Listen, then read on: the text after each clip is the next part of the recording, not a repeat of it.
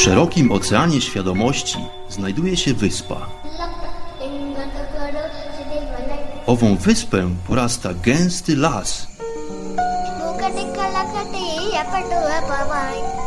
W dalekiej głębi tego właśnie lasu znajduje się słoneczna polanka.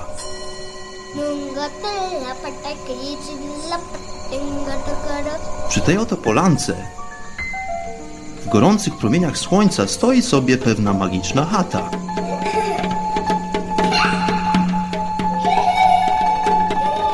Właśnie tam żyje pewien mistyk.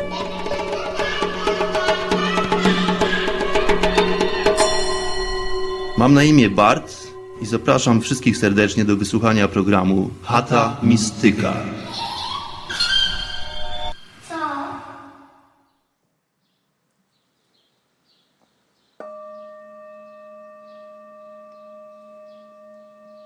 Namaste.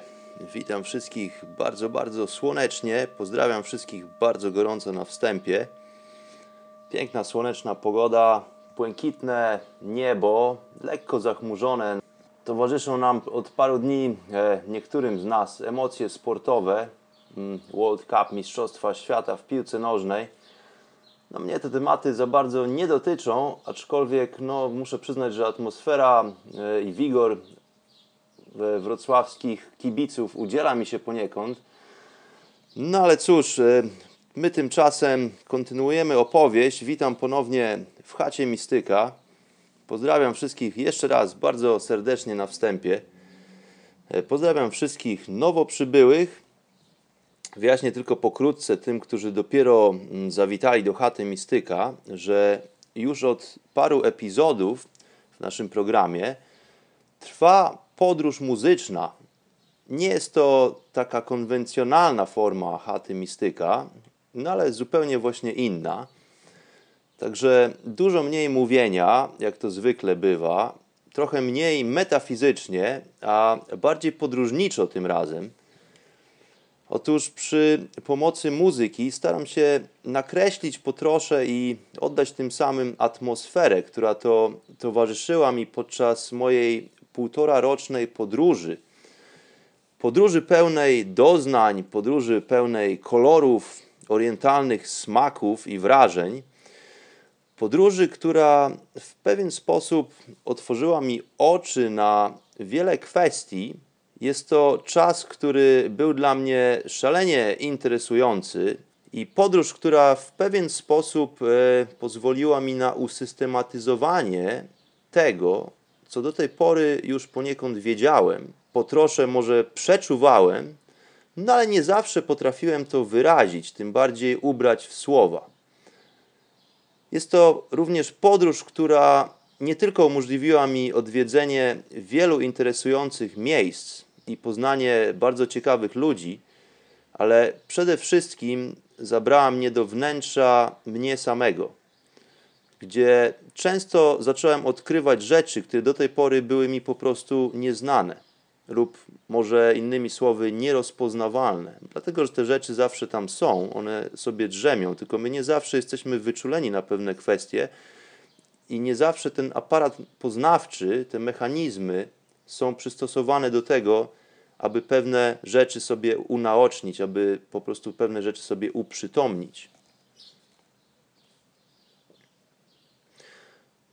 No ale to tyle tytułem wstępu. Kontynuujemy naszą muzyczną podróż dzisiaj, drodzy goście chaty Mistyka. W pierwszej części naszej podróży spędziliśmy wspólnie trochę czasu w centrum jogi Isha w południowej części Indii. Przepiękne miejsce pośród palm kokosowych i pięknych widoków okalających to miejsce wzgórz. Veliangiri Mountains, jak to nazywają lokalni owe wzgórza, porośnięte przepiękną zielenią, no i rozciągające się praktycznie wokół horyzontu, to naprawdę wytwarza przewspaniałą, mistyczną atmosferę już samo w sobie. No, dodatkowo wspaniali ludzie i cała praca, która związana jest z tą instytucją, mm, Isha Yoga Center. No ale tam po, posiedzieliśmy sobie parę miesięcy, następnie udaliśmy się na chwilę do Australii, pierwszej części naszych podróży, aby zapoznać się z lokalnymi zwyczajami i pewną bardzo ciekawą kosmologią aborygenów. Y, zapoznaliśmy się również z ich systemem wierzeń, który to oni sami nazywają czasem snu. Mm, po Australii powróciliśmy jeszcze sobie na parę miesięcy do mistycznego klimatu ashramu, gdzie to spędziłem kolejnych parę miesięcy po powrocie z Australii w tych e, przepięknych okolicznościach przyrody w południowych Indiach. No, aby później następnie wybrać się na wyprawę w Himalaje, gdzie to odwiedziliśmy na chwilę buddyjskie klasztory w wysokich górach. No i również spotkaliśmy się z mnichami, którzy to w owych wysokich, niedostępnych warunkach górskich odbywają swoje praktyki buddyjskie. No i są również poniekąd pewnymi bardzo wyjątkowymi powiernikami bardzo pradawnej wiedzy. Są takimi bibliotekarzami wysoko w górach, którzy właśnie pielęgnują tą pradawną kulturę nie tylko w formie ksiąg i manuskryptów, ale też również w formie opowieści. No ale to wszystko już w drugiej części e, muzycznej podróży, która to zakończyła się w Pandżabie, w stanie w północnej części Indii, gdzie muzyka Punjabi kojarzona jest z bardzo żywiołowym bitem i dźwiękiem basu, który rozlewa się nawet e, w publicznych autobusach, co jest dosyć zabawnym doświadczeniem dla, no, dla obcokrajowców, dla turystów. E, no ale do Punjabu jeszcze wrócimy, dlatego że to jest takie miejsce, które odwiedziłem wielokrotnie podczas mojego pobytu w Indiach. Teraz szybko przejedziemy sobie przez zatłoczone Delhi, czyli stolicę Indii, aby udać się trochę bardziej na wschód, do niesamowitego miejsca. E, jest to miasto o paru nazwach. Z tego względu, że jest to prawdopodobnie najstarsze istniejące do tej pory miasto na tej planecie, najstarsze funkcjonujące miasto, jakie znamy do tej pory w tej cywilizacji. Jest to miejsce starsze niż starożytny Egipt czy tak zwany Rzym. Jest to miejsce tak stare, że doznawało wpływów różnych kultur i jego nazwa była często zmieniana, dlatego że po prostu to miejsce było przejmowane przez najeźdźców z różnych kultur, z różnych krajów. No i pośród tych nazw pojawiły się takie nazwy jak Kashi, Banaras, na obecnie pod wpływem brytyjskiego najeźdźcy miasto to nazywa się Varanasi. Aby w pewien sposób zobrazować, a może raczej udźwiękowić tą naszą podróż z Punjabu przez Delhi do Varanasi, wybrałem taki oto utwór muzyczny. Posłuchajmy.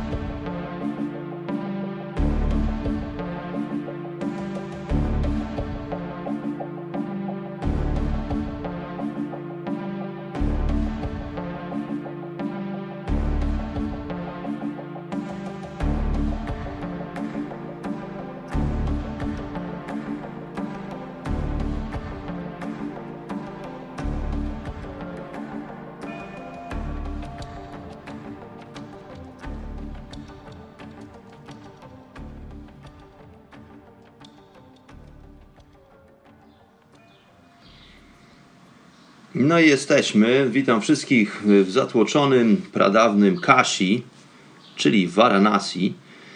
Po paru dniach w Delhi, a następnie po 15 godzinach bardzo uciążliwej podróży pociągiem, gdzie to z braku miejsca stałem praktycznie większość e, czasu na jednej nodze. Na jednej nodze, dlatego że po prostu nie było miejsca, gdzie mógłbym postawić drugą nogę. Do tego oczywiście miałem ze sobą e, plecak, całkiem obszerny już w tym miejscu mojej wyprawy.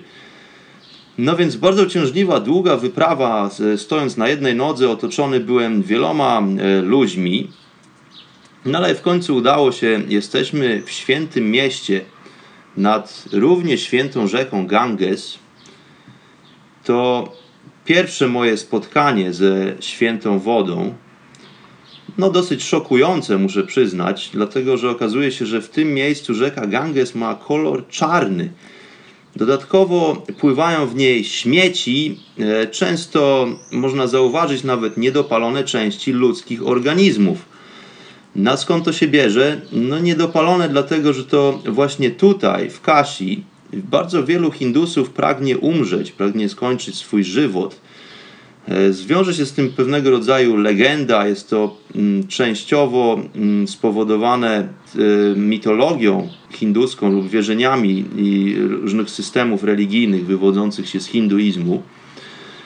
No i tutaj również w Kashi, w Varanasi odbywa się czasem nawet do 50 kremacji dziennie, dlatego że w Indiach mm, bardziej popularnym niż chowanie ciał do grobów jest e, kremacja, jest palenie zwłok albo w piecach, albo po prostu na takich potężnych stosach e, drewnianych.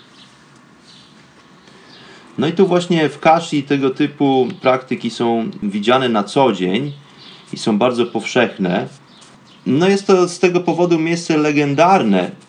Z tego względu, że jest tyle tych kremacji dziennie na tych wielkich stosach, e, na tych paleniskach, to często resztki tlących się ciał są albo rozwlekane przez uliczne psy, które po prostu kradną te niedopalone pozostałości szczątków ludzkich, no bo często te szczątki trafiają po prostu do owej świętej, jak to uznają Hindusi, rzeki. Po prostu są wysypywane te, te resztki do e, wody Gangesu. Tuż obok tego oczywiście kąpią się raźnie pielgrzymi, dlatego że e, uważane jest, że jedna kąpiel, że kąpiel po prostu w rzece Ganges jest w stanie zmyć wszelkie twoje grzechy i zadość uczynić twym złym uczynkom. Widywałem również takie e, szokujące mm, widoki, jak na przykład pan, który, mm, który mieszał ciasto na tak zwane ciapati, czyli takie mm, mączne placki, używając do tego wody bezpośrednio z Gangesu, po prostu sobie raźnie chlapał tą wodą z rzeki Ganges do, swojego, do swojej miski, w której to ugniatał ciasto. No ale tym ludzie jak gdyby się nie przejmują. Ja opowiadałem trochę wcześniej o tym w poprzednich odcinkach. Pod względem biologicznym, e, co może być szokujące, rzeka Gange jest, jest praktycznie czysta.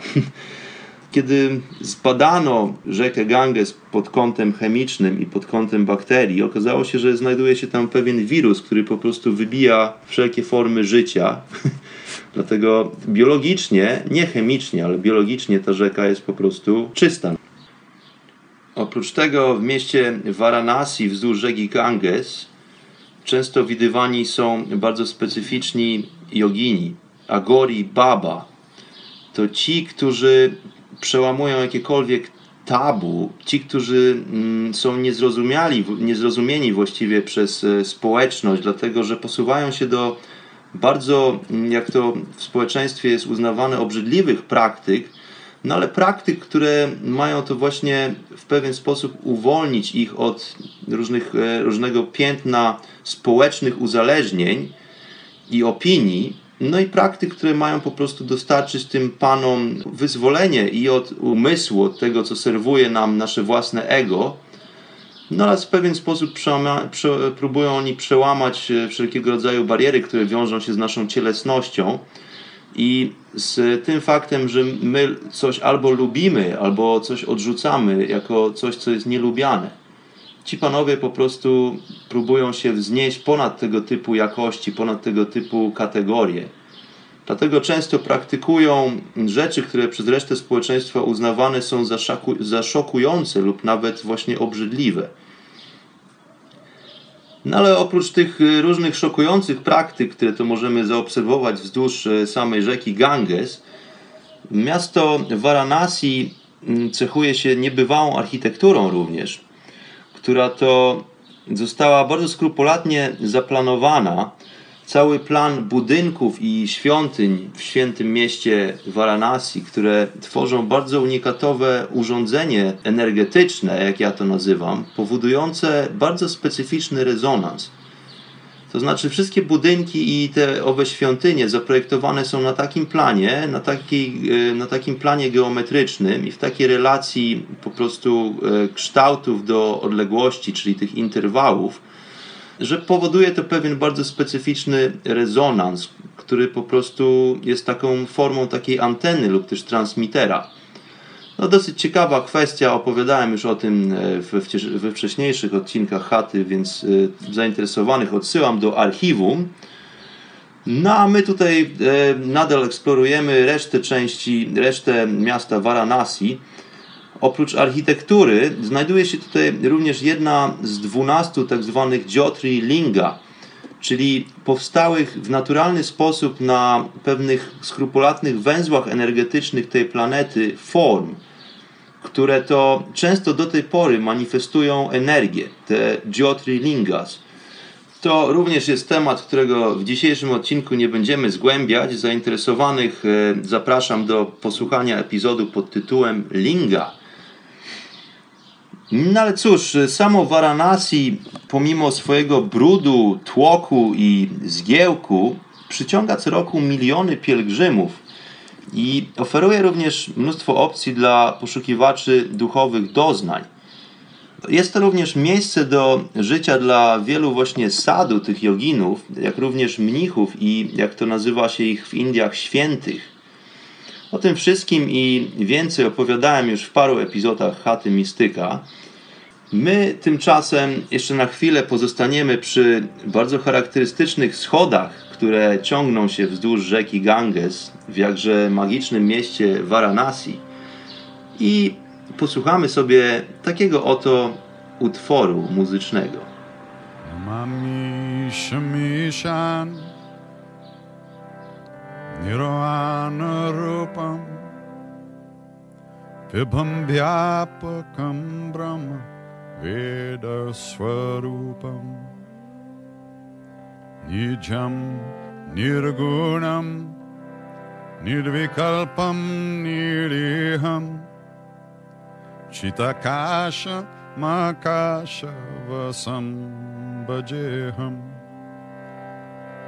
निराकारमोकार मूलं तुरीयं गिराज्ञानगोतीत मिशं गिरिशम् करालं महाकालकालं कृपालं गुणगारसंसार परं नतोऽहम्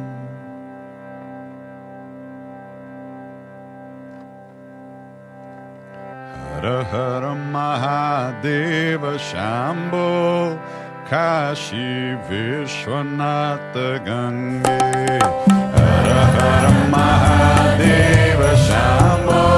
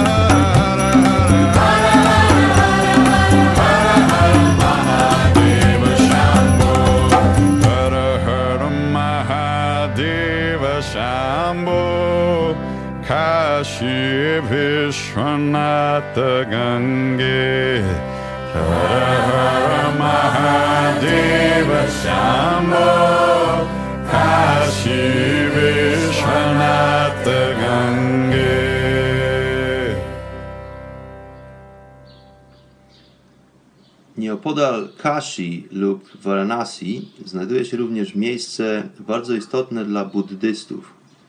Miejscowość Sarnath. Miejsce, które Buddha wybrał na swój pierwszy darshan. Co to znaczy darshan? Darshan to jest dosłownie, żeby to przetłumaczyć, okazja do spotkania osoby oświeconej lub czasem też możliwość oglądania jakiegoś świętego obiektu. Jest to również uznawane za pierwszy raz, kiedy to Buddha naucza swoich apostołów. To właśnie określane jest mianem darshan. No więc będąc w okolicy, ja również wybrałem się na taką jednodniową wycieczkę do miejscowości Sarnath, aby odwiedzić to ważne dla buddystów miejsce. Tutaj warto wspomnieć, że mm, są cztery takie miejsca, które są bardzo istotne dla buddyjskich pielgrzymów. Dowiedziałem się, że rzekomo e, każdy praktykujący e, buddysta powinien odwiedzić te cztery miejsca podczas swojego życia. Są to miejsca bardzo mocno powiązane z funkcjonowaniem i aktywnością samego Buddy, więc oprócz miejscowości Sarnath, gdzie to właśnie Buddha udzielił pierwszej, e, pierwszej lekcji, pierwszego nauczania swoim apostołom, jest również miejscowość Lumbini, w której to urodził się Buddha.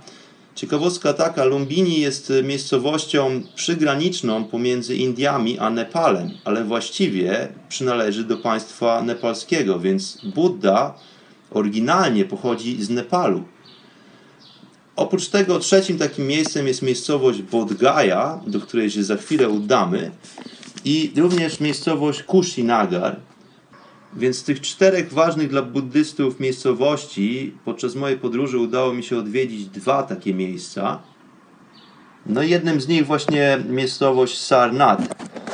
Rośnie tam bardzo stare drzewo. Drzewo nazywane jest Bodhi Tree. Tutaj z tym potężnym starym drzewem wiąże się pewna historyjka. Otóż pochodzi ono bezpośrednio od oryginalnego drzewa, pod którym to siedział Gautama, kiedy doznał oświecenia i stał się Buddą. No ale właśnie to oryginalne drzewo, pod którym siedział Buddha, kiedy doznał swego oświecenia, znajduje się parędziesiąt kilometrów dalej w miejscowości Bodgaja, do której udamy się właśnie teraz podczas naszej muzycznej podróży. I z tym oryginalnym drzewem w miejscowości Bodgaja też wiąże się pewna historia. Otóż to pierwsze drzewo ma również swoje potomstwo na Sri Lance. Sri Lanka to jest ta wyspa, która jest odrębnym, oddzielnym państwem, jak gdyby u szczytu tego subkontynentu indyjskiego, jeszcze bardziej na południe, pośród oceanu. Ktoś po prostu wziął drugi szczepek i zawiózł na Sri Lankę, i kiedy to pierwsze drzewo umarło po drodze, to przywieziono bodajże liść, z tego co pamiętam, z powrotem ze Sri Lanki, z tego drugiego drzewa, z tego potomstwa, tego oryginalnego drzewa. No i ponownie wyhodowano w Bodgai z niego kolejne potężne drzewo Bodhi, które to właśnie rośnie aż po dziś, które możemy podziwiać aż po dzisiejszy dzień. No i to drzewo stało się niebywałą atrakcją dla turystów oraz dla buddyjskich pielgrzymów i przyciąga tysiące ludzi każdego dnia właściwie. W ogóle cała miejscowość Bodgaja kojarzyła mi się trochę z takim buddyjskim, wesołym miasteczkiem, dlatego że są tam setki klasztorów, bardzo ciekawych w swojej architekturze i kształcie, ale te klasztory, co, co ciekawe, reprezentują państwa, w których istotną rolę odgrywa ta religia, czyli buddyzm.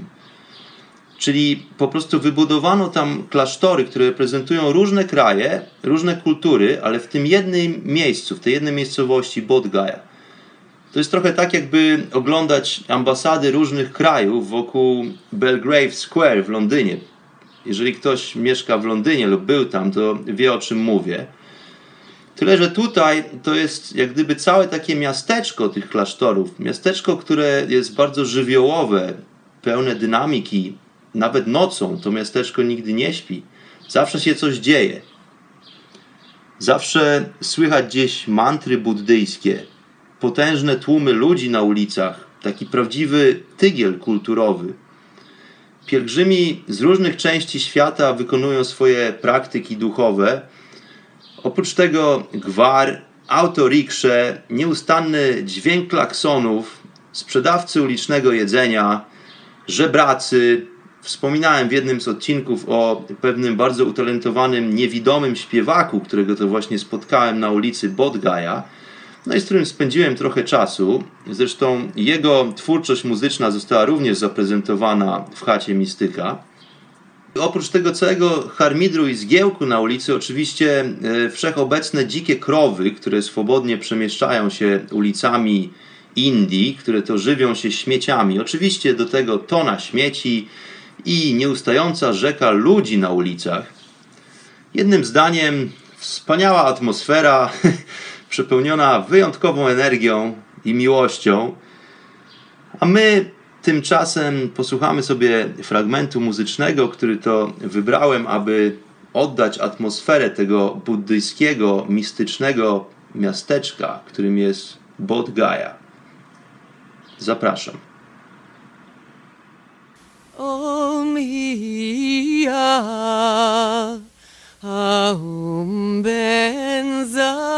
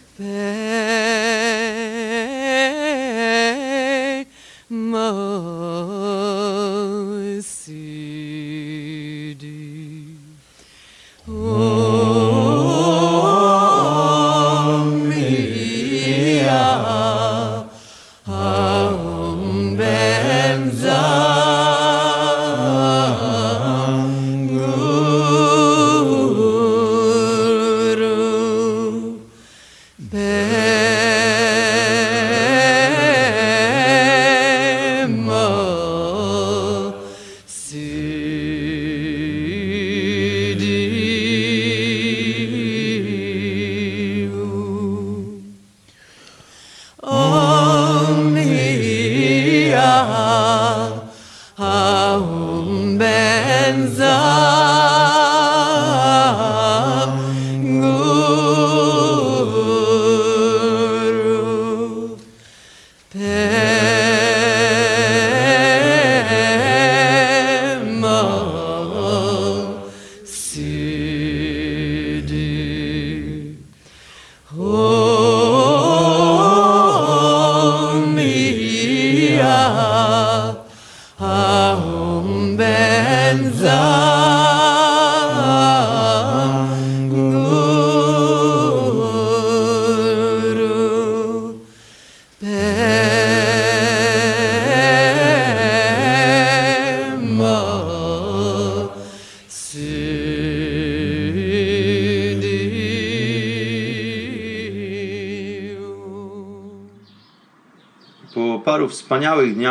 Spędziłem w buddyjskiej atmosferze miejscowości Bodh Gaya, zacząłem powoli kierować się na północ, w stronę granicy z Nepalem.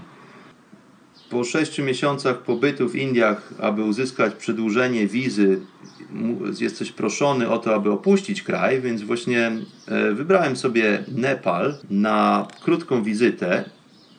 Dosyć śmieszna historia się z tym wiąże, dlatego że mm, początkowo planowałem krótkie wakacje na Sri Lance, które zwykle kojarzą się z e, gorącym słońcem, z atmosferą plażową i oczywiście w tą podróż nie zabrałem ze sobą zbyt wiele, oprócz praktycznie kąpielówek i klapeczek. No ale kiedy znalazłem się w miejscowości Bodh Gaya, okazało się, że dużo prostszą i również tańszą opcją jest wybranie się do pobliskiego Nepalu. No więc w, po paru dniach podróży znalazłem się w przepięknych górskich okolicznościach e, krainy, która zwie się Nepal, posiadając na sobie praktycznie jedynie kąpielówki i klapki, które to miały mi służyć podczas mojego pobytu na piaszczystych plażach Sri Lanki. Ale pogoda sprzyjała. Właściwie wszyscy lokalni ludzie również, e, pomimo tego, że wysokie góry, Himalaje, poruszają się w klapeczkach, także nie było z tym kompletnie problemu. No więc witam wszystkich w Nepalu. Jesteśmy już po drugiej stronie granicy. Nepal jest przepięknym miejscem. Wspaniali ludzie, naprawdę przesympatyczni ludzie. E, Kultura, która jest odmienna do kultury indyjskiej, do kultury Hindusów. Hindusi potrafią być w pewien sposób e, natarczywi, czasami widząc obcokrajowców, widząc białych ludzi. To nie jest e, jakieś agresywne zachowanie, aczkolwiek są po prostu tak zauroczeni widokiem białych ludzi, że często proszą o to, aby robić, czy można zrobić sobie zdjęcie wspólne. No jest to dosyć nagminne, czasami bywa to męczące podczas podróży. Natomiast w Nepalu ci ludzie są zupełnie inni. Do turystów odnoszą się z wielkim szacunkiem i poważaniem. Rozumieją pojęcie przestrzeni osobistej i potrafią uszanować to. Nie nagabują, nie nakłaniają, nie naciągają. Poza tym wielu Nepalczyków bardzo dobrze mówi po angielsku, dlatego że turyzm jest e, jednym z głównych źródeł utrzymania w tym państwie. Tu warto wspomnieć, że jest to państwo bardzo biedne, o bardzo słabej ekonomii. No i jedyną rzeczą, którą właściwie mogą zaoferować przyjezdnym, to jest swój przepiękny nastrój, swoją radość ducha. Są to ludzie bardzo życzliwi, są to ludzie również bardzo pokorni. Ludzie, którzy żyją w trudnych, wysokogórskich warunkach, nie mając dostępu do dóbr cywilizacyjnych, z jakimi to kojarzy nam się codzienne życie w dzisiejszych czasach. Tą pokorę można zauważyć w ich spojrzeniu. Spojrzenia starszyzny, starszych ludzi zwykle przepełnione są swojego rodzaju magiczną głębią, tak bym to nazwał, i mądrością, i niesamowitym spokojem, dlatego że ci ludzie naprawdę przeszli w życiu wiele. Do tego wszystkiego można do, do, dodać trzęsienie ziemi, które na, nawiedziło Nepal parę lat temu, które spowodowało potężną klęskę na skalę narodową. Ci ludzie potrafią się jednak podźwignąć z tego wszystkiego i zaadoptować do nowych, jeszcze bardziej surowych warunków. I ten hart ducha z jednej strony, a z drugiej strony ta głęboka pokora, to jest coś, co w Nepalczykach bardzo mnie ujęło. Także dojechałem do miejscowości Pokara, położonej w przepięknych, pośród przepięknych gór. To już jest kolejna okazja, kiedy mam sposobność oglądać Himalaje, ale tym razem naprawdę wysokie, potężne, ośnieżone szczyty górskie. Między innymi krąg Annapurna. Jest to parę szczytów, które tworzą ten taki bardzo słynny trakt turystyczny. No i z daleka widzę również potężny, ostry szczyt e, góry, która nazywa się Fish Tail. Jest to jeden z bardziej charakterystycznych i znanych kształtów w Himalajach. No więc jesteśmy w miejscowości Pokhara nad przepięknym rozlewiskiem, nad przepięknym jeziorem górskim, otoczonym stromymi szczytami gór, gdzie parę setek paralotniarzy codziennie delektuje się widokiem himalajskiego pasma. No i siedzimy sobie w małej restauracji nepalskiej tuż przy jeziorze, oglądając to przepiękne widowisko. No i mamy na nogach tylko klapeczki. Zapraszam do posłuchania utworu.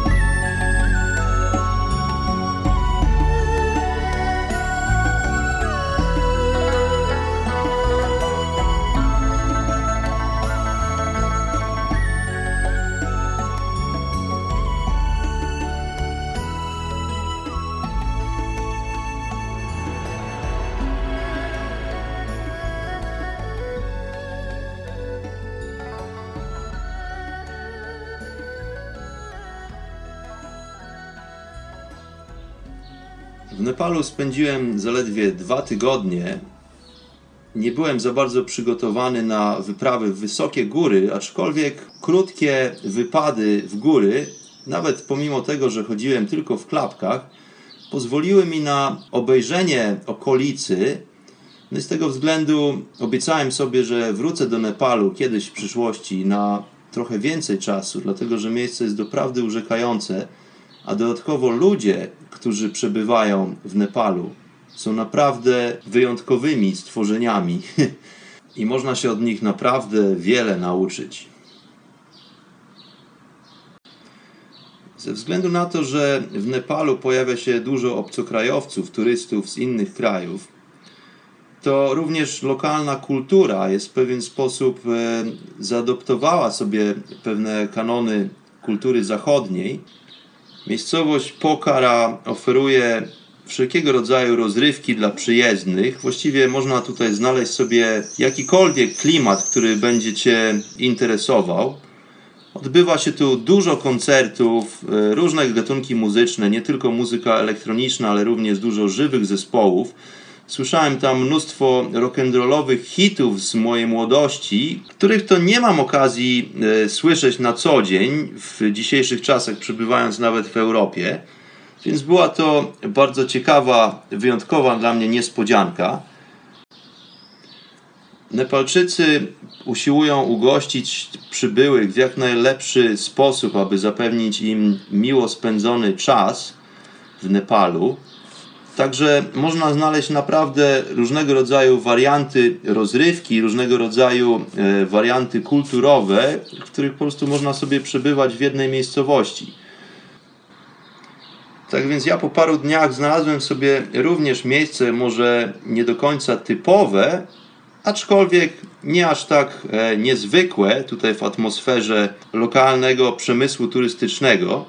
Otóż schodząc z, z gór pewnego wieczoru po paru godzinnym spacerze, usłyszałem bardzo doniosłe i głębokie linie basowe, które to wkrótce przerodziły się w tak znaną mi muzykę reggae.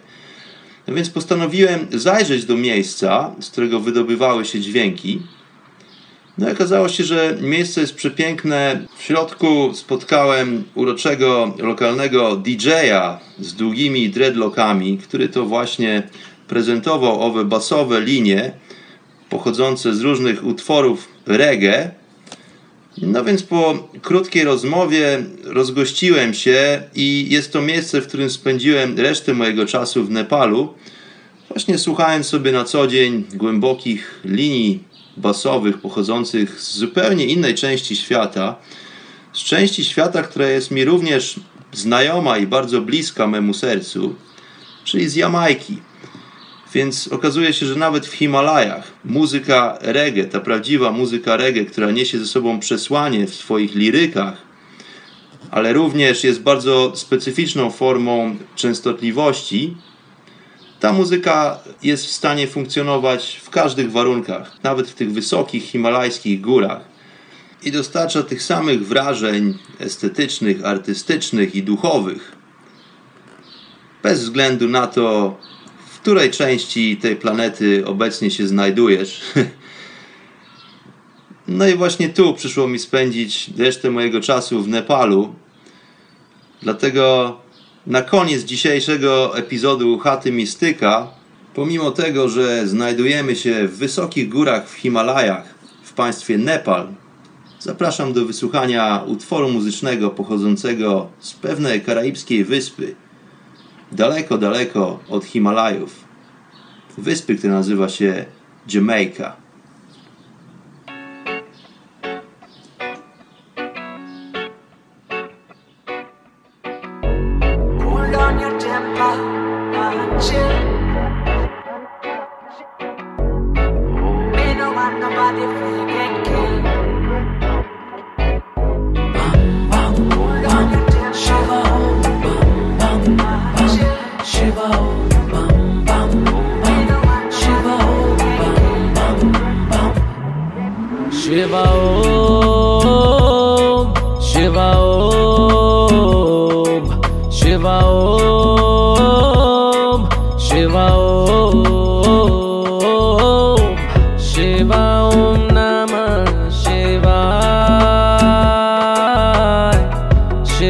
ॐ नमः सेवा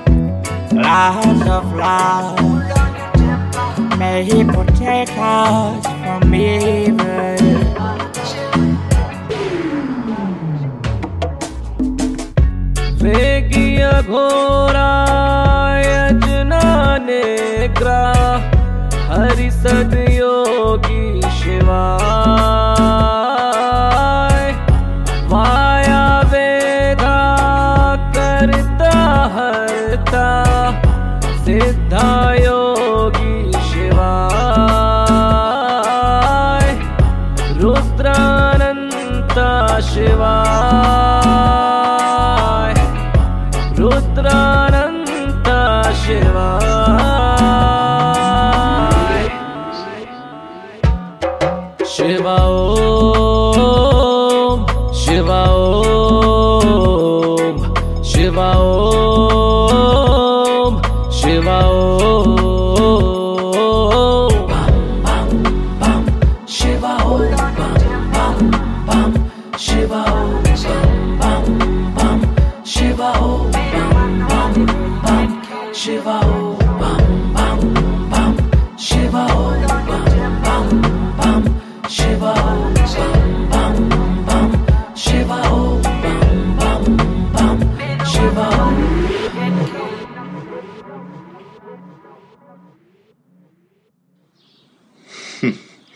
Ja Rastafari.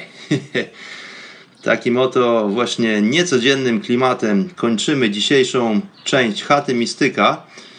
Ja tymczasem zapraszam wszystkich za tydzień, gdzie będziemy kontynuować naszą muzyczną podróż i powrócimy sobie do Indii, gdzie również wydarzyło się jeszcze bardzo wiele. Odwiedzimy m.in. miejscowość Rishikesh, również położoną wysoko w górach, w Himalajach, tym razem już z innej strony.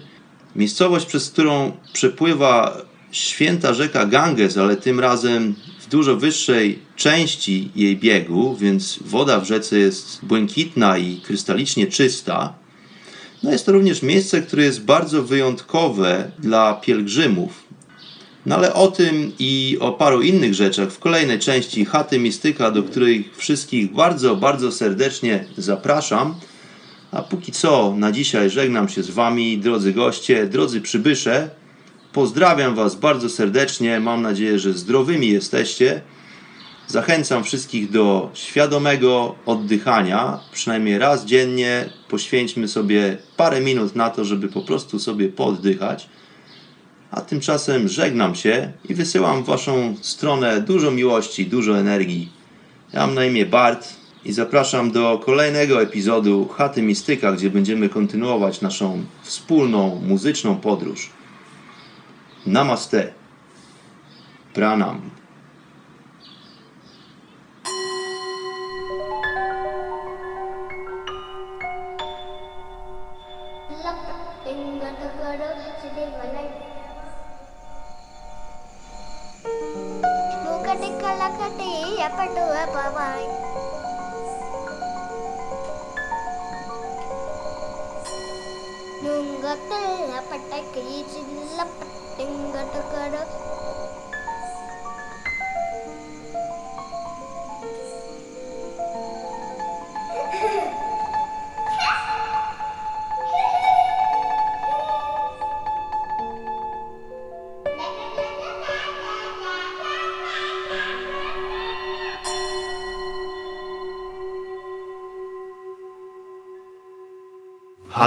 Mistyka.